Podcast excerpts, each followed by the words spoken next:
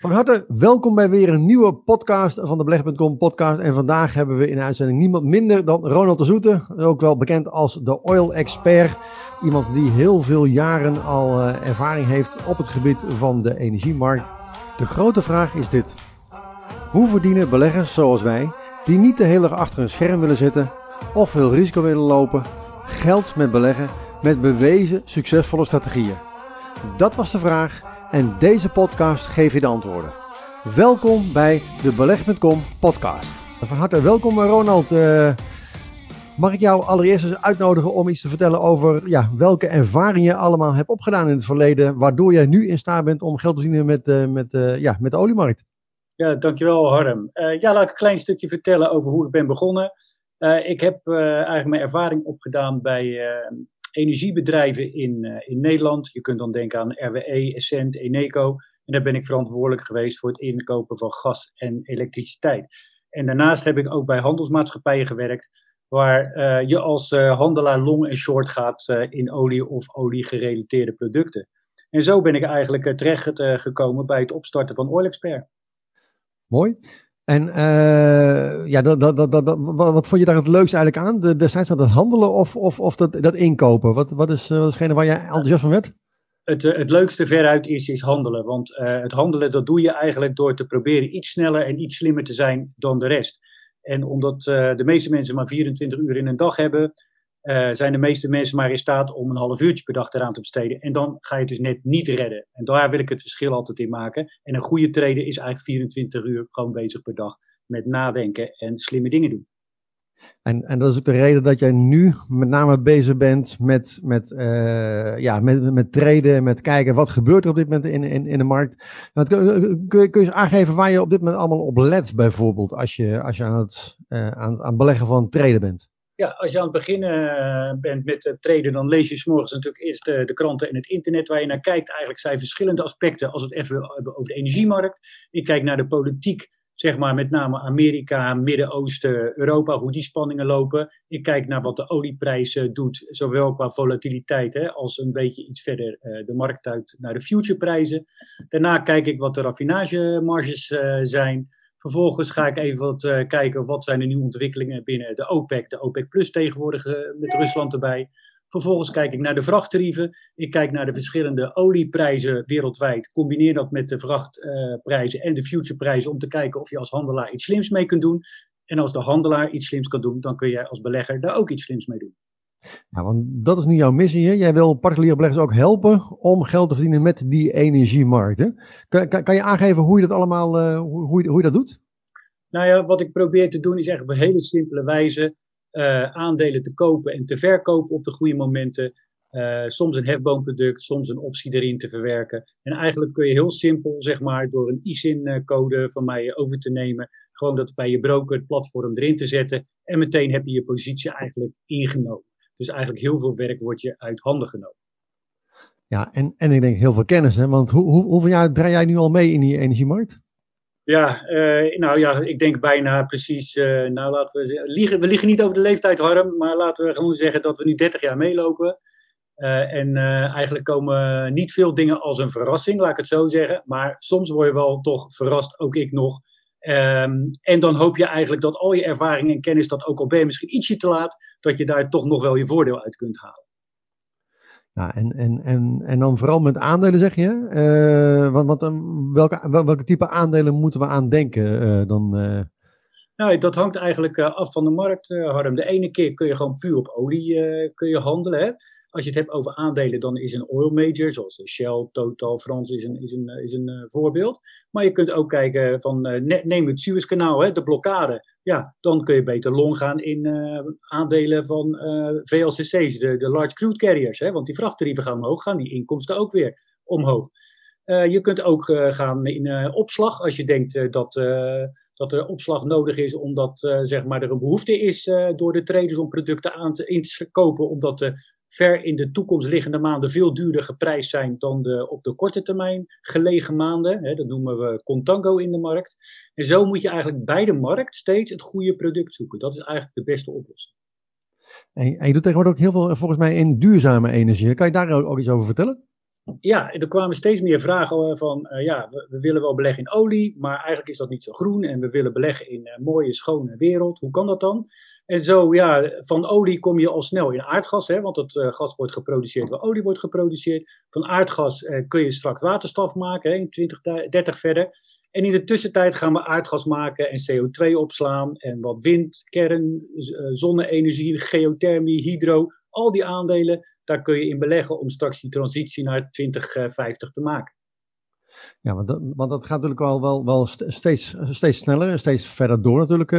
Wat, wat, wat is op dit moment de meest interessante trend die je op dit moment ziet in die duurzame energie? Nou, de, de trend eigenlijk die je ziet is dat steeds meer uh, maatschappijen uh, zon en wind, wind omarmd hebben en daarin investeren. Maar ze zien nu dat dat eigenlijk niet genoeg is. Omdat je eigenlijk energie 24-7 nodig hebt en niet altijd de zon schijnt of de wind waait. Dus we zien steeds meer discussies komen over toch weer kernenergie. We zien heel veel discussies komen om wie gaat nu zorgen dat we CO2 ondergronds kunnen opslaan of afvangen. Hè? Want afvangen kan ook namelijk met hele grote ventilatoren kun je ook afvangen bij de productie van aardgas. Ehm, ja, en dat zijn zeg maar de ontwikkelingen, omdat de mensen eigenlijk, de, de grote oil majors, die uh, doen nog niet mee, omdat ze eerst wat vet op de botten nodig hebben na het slechte rampjaar 2020. Dus we hebben een beetje geduld nodig. En dan zullen we over twee, drie jaar zien dat uh, de oil majors met al het geld wat ze nu verdienen aan de hoge olieprijs, dat ze daar zich in gaan kopen in succesvolle groene bedrijven of zelf hun groene projecten op gaan starten. Ja, ja, want 2020 was inderdaad gewoon, denk ik, voor, voor, voor Shell en dergelijke. We zagen een koers natuurlijk gewoon van, van zeg maar, rond de 30 terugvallend naar een, 10 euro. Iets wat we al decennia niet meer hebben gezien. Kwam, kwam, kwam dat voor jou ook eigenlijk als een, als een verrassing, zo'n hele, zo'n hele grote, grote dreun? Ja, dat heb ik ook niet te voorzien. En een negatieve olieprijs, hè, dat voorzie je ook allemaal niet. Uh, wat je wel weet is op een gegeven moment dat een aandeel als Shell, als je alle aandelen, uh, sorry, alle bezittingen van ze optelt, dat ze nooit lang zal die leven eigenlijk 10 uh, eh, euro waard mag zijn, zo'n aandeel.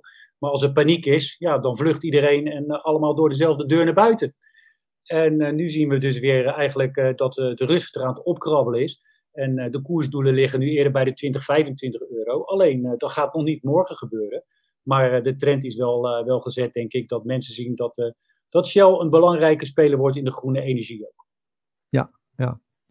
Ja, en, en, stel bijvoorbeeld, je zou een ton willen beleggen. Hoe zou jij dat, dat, dat nu die verdeling maken richting, richting duurzaam, richting olie? Hoe, hoe zou je dat aanpakken?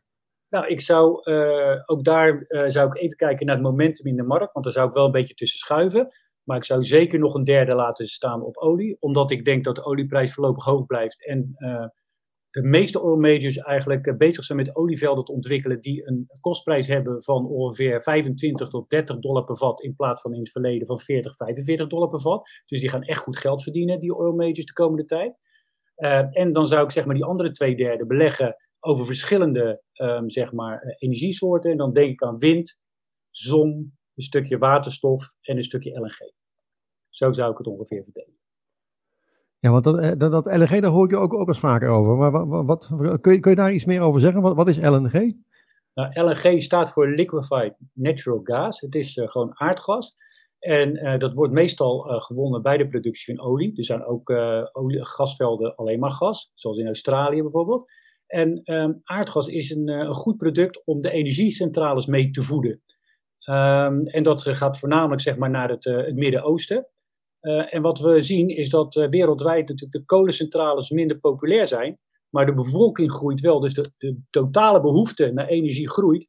Dus er komt een explosieve groei, een verdubbeling van de, van de aardgasvraag tussen nu en 2040. Dus binnen 20 jaar twee keer zoveel LNG-vraag. Dus dat is echt groot.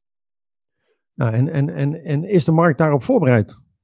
Um, nou, er worden heel veel projecten nu. Uh, een maand geleden Qatar uh, wordt van uh, zeg maar binnen tien jaar de grootste van de wereld. Rusland heeft aangegeven drie keer zoveel aardgas te willen produceren dan dat ze nu doen. En het is eigenlijk meer de infrastructuur. Dus je moet dan denken aan het bouwen van de schepen en de pijpleidingen die aangelegd moeten worden. Nou ja, je weet misschien ook wel Nord Stream 2, hè, waar veel discussie over is.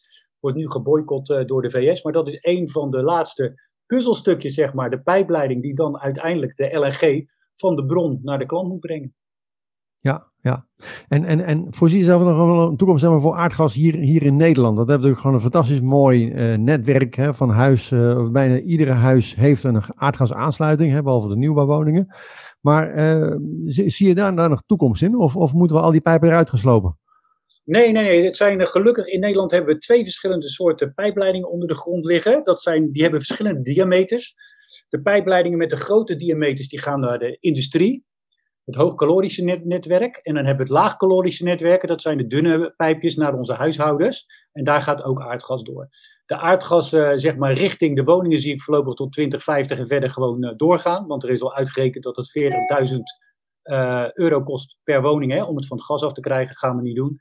Uh, maar de industrie die kan straks door die uh, gaspijpleidingen uh, waterstof ont, ontvangen. Dat is door de Gasunie al bekeken. Er lopen ook al verschillende teststukken. In Zeeland loopt er een stuk van 10 kilometer. In België doen ze al 200 kilometer met waterstof. Dus er moet wel wat gebeuren aan die pijpleidingen, maar er kan prima waterstof doorheen. Nou, dat is in ieder geval goed nieuws, want het zou natuurlijk ontzettend kostbaar zijn om iedere woning natuurlijk van, van het aardgas af te koppelen. En dan vervolgens uh, weer met een alternatief te komen. Want ja, we weten ook gewoon, uh, ja, er is natuurlijk gewoon inderdaad een beperkte hoeveelheid uh, zon op te wekken. de energievraag, want kun je iets aangeven over hoe die energievraag zich ontwikkelt, zeg maar, op dit moment? Uh, de energievraag, zeg maar, als je kijkt naar de OECD-landen, zeg maar, wij het rijke Westen, die blijft gewoon vlak. Dus we gebruiken eigenlijk wel meer, maar we doen het slimmer. Daardoor per saldo gebruiken we evenveel elektriciteit. Kijken we naar het Verre Oosten, dan is het één grote streep naar boven. En met name landen als Pakistan, India, China, daar is de groei gigantisch in energie. Daar bouwen ze ook gigantisch, vooral in, uh, in China. En helaas ook een deel kolencentrales, met name in India, wordt zoveel kolen gebouwd dat je af en toe wel afvraagt uh, wat wij allemaal hier aan het doen zijn in het, uh, in het Westen. dus dat we gezamenlijk wel tot de CO2-uitstootbeperking komen die we ons tot doel hebben gesteld. Maar de vraag naar energie stijgt enorm wereldwijd de komende 20 jaar. Ja, ik zie, ik zie het bij mezelf ook. Hè. Ik heb een elektrische auto. Nou, als je kijkt dat je daar uh, toch ook, ook al snel 3000 kilowattuur per jaar uh, verbruikt. Ik heb een, een, een warmtepomp. heb ik ook al dingen ongeveer iets van 3000. Nou, een normaal huishouden zit ook al rond de 3000. Dus dan kom je toch al richting de 9 à 10.000 kilowattuur wat je, wat je op jaarbasis verbruikt. Dus dat is ongeveer drie keer zoveel als een normaal huishouden. Als je dus elektrisch gaat rijden en dus ook je huis gaat verwarmen met, met stroom. Zie, zie, zie je daar nog mogelijkheden of, of, of kansen in hoe beleggers kunnen profiteren van, van, van die enorme toename ook. Nou ja, de, de uitdaging is natuurlijk de batterij daar eigenlijk, zeg maar. Hè? Dat, uh, dat jij die via je zonnecel straks uh, gewoon in je garage ergens een, een, mooie, mooie batterij hebt. En dan eigenlijk kun je dan tappen in de winter, sorry, in de avond. En overdag kun je dan opladen. alleen dat is allemaal niet zo makkelijk en die batterijen zijn ook allemaal niet, nog niet zo goed. Ehm, dus hoe kan je als belegger profiteren? Ja, dat zijn in die bedrijven die dus uh, werkzaam zijn in de technologieontwikkeling, bijvoorbeeld van die batterijen. Uh, en die slimme dingen doen, uh, zeg maar ook op softwarematig gebied, om um, om te gaan met de vraagcurve van elektriciteit. Dus bedrijven kunnen veel slimmer met elektriciteit omgaan. ook particulieren. Uh, en dat gaat dus wel een niche-markt worden. Van, uh, als het dan niet voor elkaar krijgen, zeg maar, die CO2-uitstoot naar beneden, dan kunnen we in ieder geval wel ervoor zorgen dat we dingen slimmer doen. Ja, ja maar ik heb ook, ook eens gehoord over, over bepaalde accu's uh, op met, met, met, met zeewater. daar, daar, daar is ook, ook Dr. Ten, ik weet niet of je die naam, naam eens gehoord hebt, ook eens een keer, heb ik ook eens een keer iets over gezien. zie je daar nog mogelijkheden in, in, in dat soort technologische ontwikkelingen? Ja, ik, ik ben geen techneut dat eerst, Harm, maar ik, ik, lees heel veel stukken. En ook, ze hebben nu ook over accu's met zand. En, en in Duitsland zitten er een paar hele knappe uh, koppen. En uh, het is eigenlijk maar wachten steeds op die doorbraak. Hè? Want je leest van die krantenkoppen denk je, ja, nu zijn we er. En, maar toch zitten we elke keer gewoon weer bij dezelfde batterijenproducenten. En het lithium, dat kan niet aangesleept worden. Hè? Dus uh, als beleggers ingestapt zijn, of nu nog, kun je nog in lithium stappen. Want uiteindelijk al die accu's straks in die elektrische auto's, die worden nog steeds op dezelfde manier gemaakt. En de echte doorbraak, daar moeten we nog op wachten.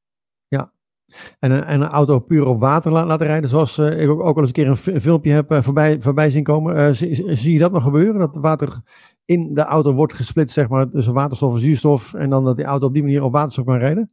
Ja, ook dat is dan een kwestie van uh, technologie uh, die nog ont, uh, ontwikkeld moet worden. Nu kunnen we dat eigenlijk met waterstof en dan via een fuelcel hè, het omzetten in een stroompje. En, en, die gaat dan zeg maar onze auto in beweging zetten.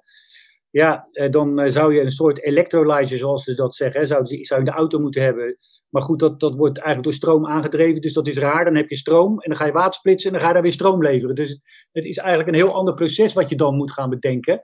Uh, ik denk dat dat wel de, als je daar een aandeel van zou kunnen kopen, hoe klein het bedrijf je ook wordt, dan ben ik nummer één.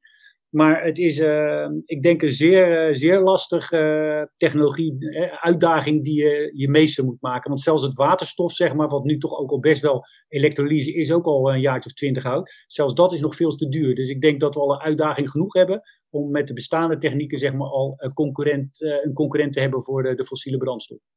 Ja, want, want hoeveel duur, want ik geloof dat een kilo waterstof nu iets van 10 euro of zo kost om te maken? Je hebt zeg maar verschillende soorten waterstof. Hè. Je hebt, ze hebben allemaal kleurtjes gegeven, van uh, grijs en dan groen, turquoise en dan blauw. Maar laten we ons gewoon even kijken naar wat, wat haalbaar is. Grijs moet je denken, dat is dus uh, via LNG en dan uh, CO2-opvang richting waterstof. Door steamreforming, dan zit je ongeveer op de 2,5 dollar per kilogram. Voor waterstof zit je ongeveer op 5, 6 dollar per kilogram. Dat is drie, drie keer zo duur. Dus de verwachting is dat de eerste stap richting waterstof gedaan wordt via grijze waterstof, dus aardgas, CO2 opslaan, waterstof maken en dan elektriciteit leveren. Ja, want ik, ik zie er ook nog wel enorme potentie. Als je bijvoorbeeld kijkt naar de Sahara, heb je ontzettend veel ruimte. Je hebt daar heel veel uh, silicium. Nou, dat is in ieder geval uh, een deel van de grondstof in ieder geval van, van, van volgens mij.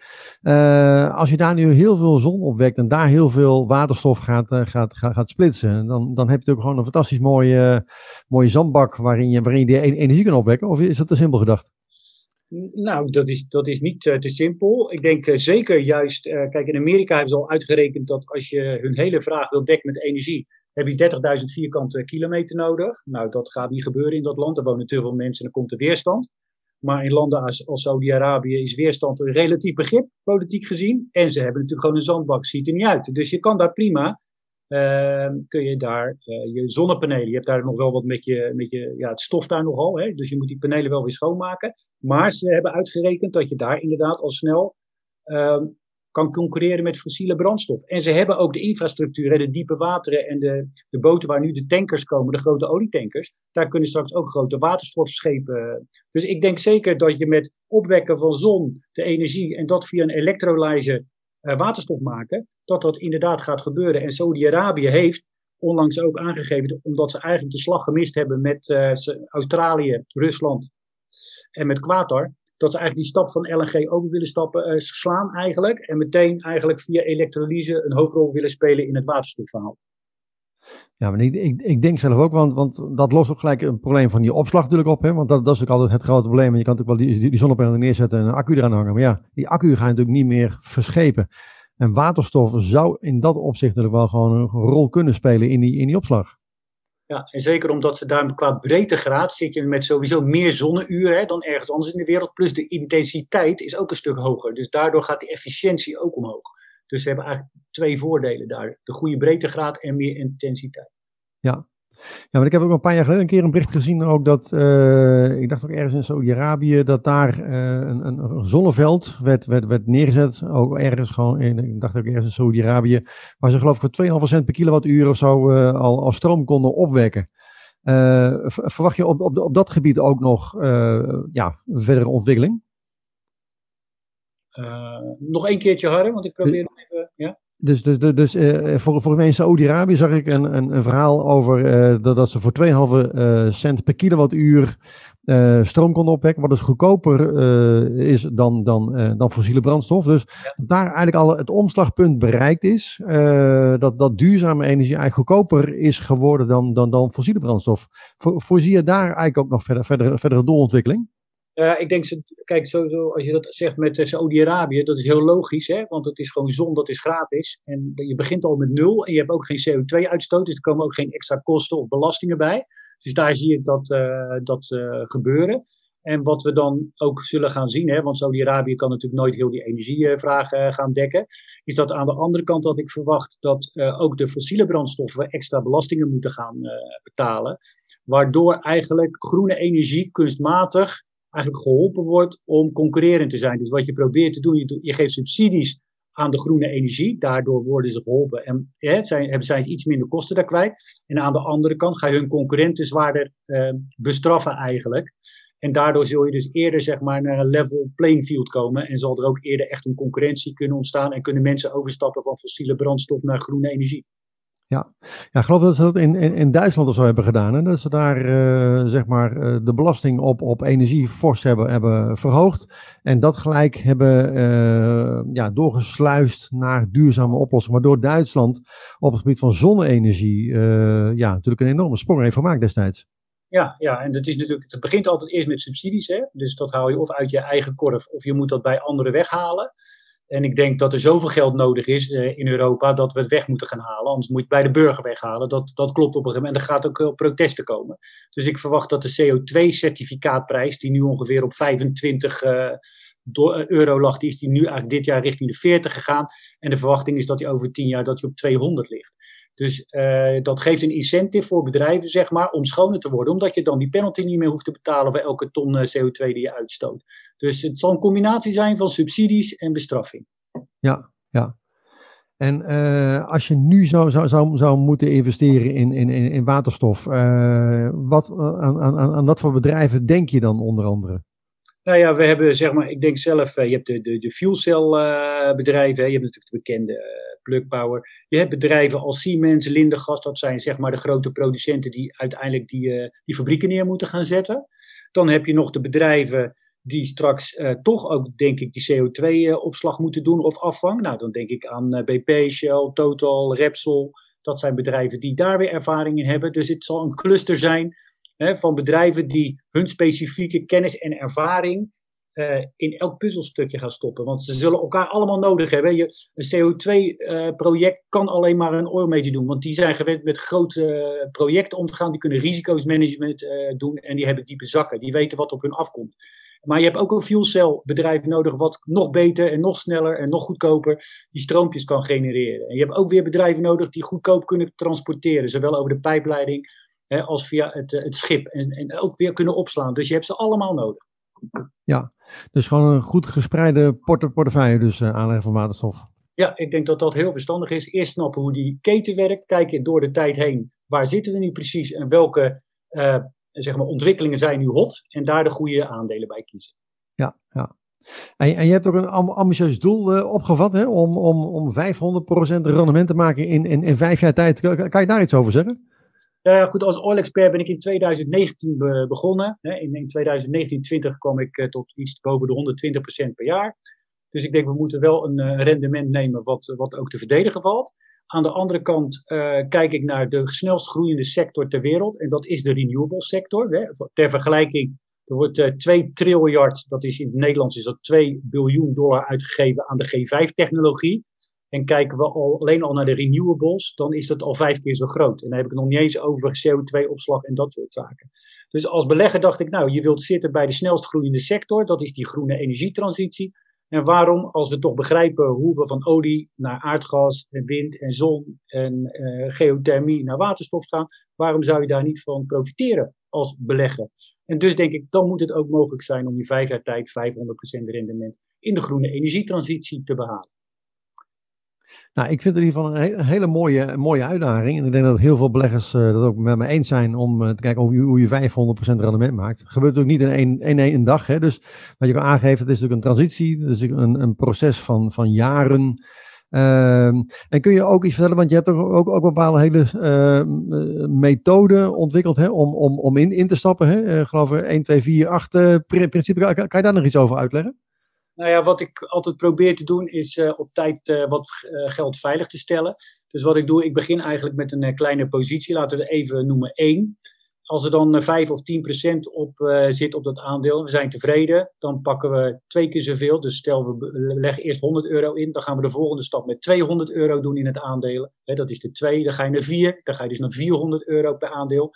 En na die derde stap, dan nemen we een beetje winst of we kopen een put-optie in ieder geval zorgen we ervoor dat we tussentijds elke keer wat winst wegleggen. En zo kun je dan ook zeg maar, je abonnementsgeld al eh, heel snel terugverdienen, dat uh, ten eerste.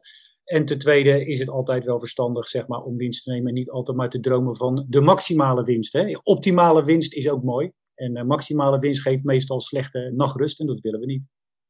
Ja, daarom krijg je het risico. Hè, degene die het onderste uit de kan wil, die krijgt de deksel op zijn neus. Dus je kan beter een bepaald helder doel formuleren, een mooie strategie daarbij kiezen, waarbij je dus niet het uiterste, uh, een laatste druppel eruit wil persen, maar gewoon zegt van, hé, hey, ik, uh, ik ben tevreden met het mooie stuk in het midden en ik wil niet per se op de bodem instappen, op top uitstappen, wat denk ik sowieso al heel, heel lastig is, maar uh, in ieder geval gaat zorgen dat je een goede strategie daarvoor, daarvoor kiest. Ja, helemaal waar. Dus... Nee, en ik denk, uh, ja, hoe, hoe, hoe, kun, hoe, kunnen mensen die meer willen, willen weten over, jou, uh, over jouw diensten en dergelijke, waar, waar, kunnen ze meer informatie over jou vinden, Ronald? Nou ja, ze kunnen eenvoudig zeg maar, surfen naar www.oilexpert.nl en daar kunnen ze alles lezen. Ze zien daar de verschillende abonnementsvormen van de 500% renewable race tot gewoon alleen veel informatie over olie of informatie over olie, aardgas en waterstof. En ze kunnen ook gewoon een eh, proefabonnement eh, gratis eh, voor vier weken nemen, zodat ze weten wat ze allemaal krijgen voor dat geld. Dus eigenlijk heel makkelijk.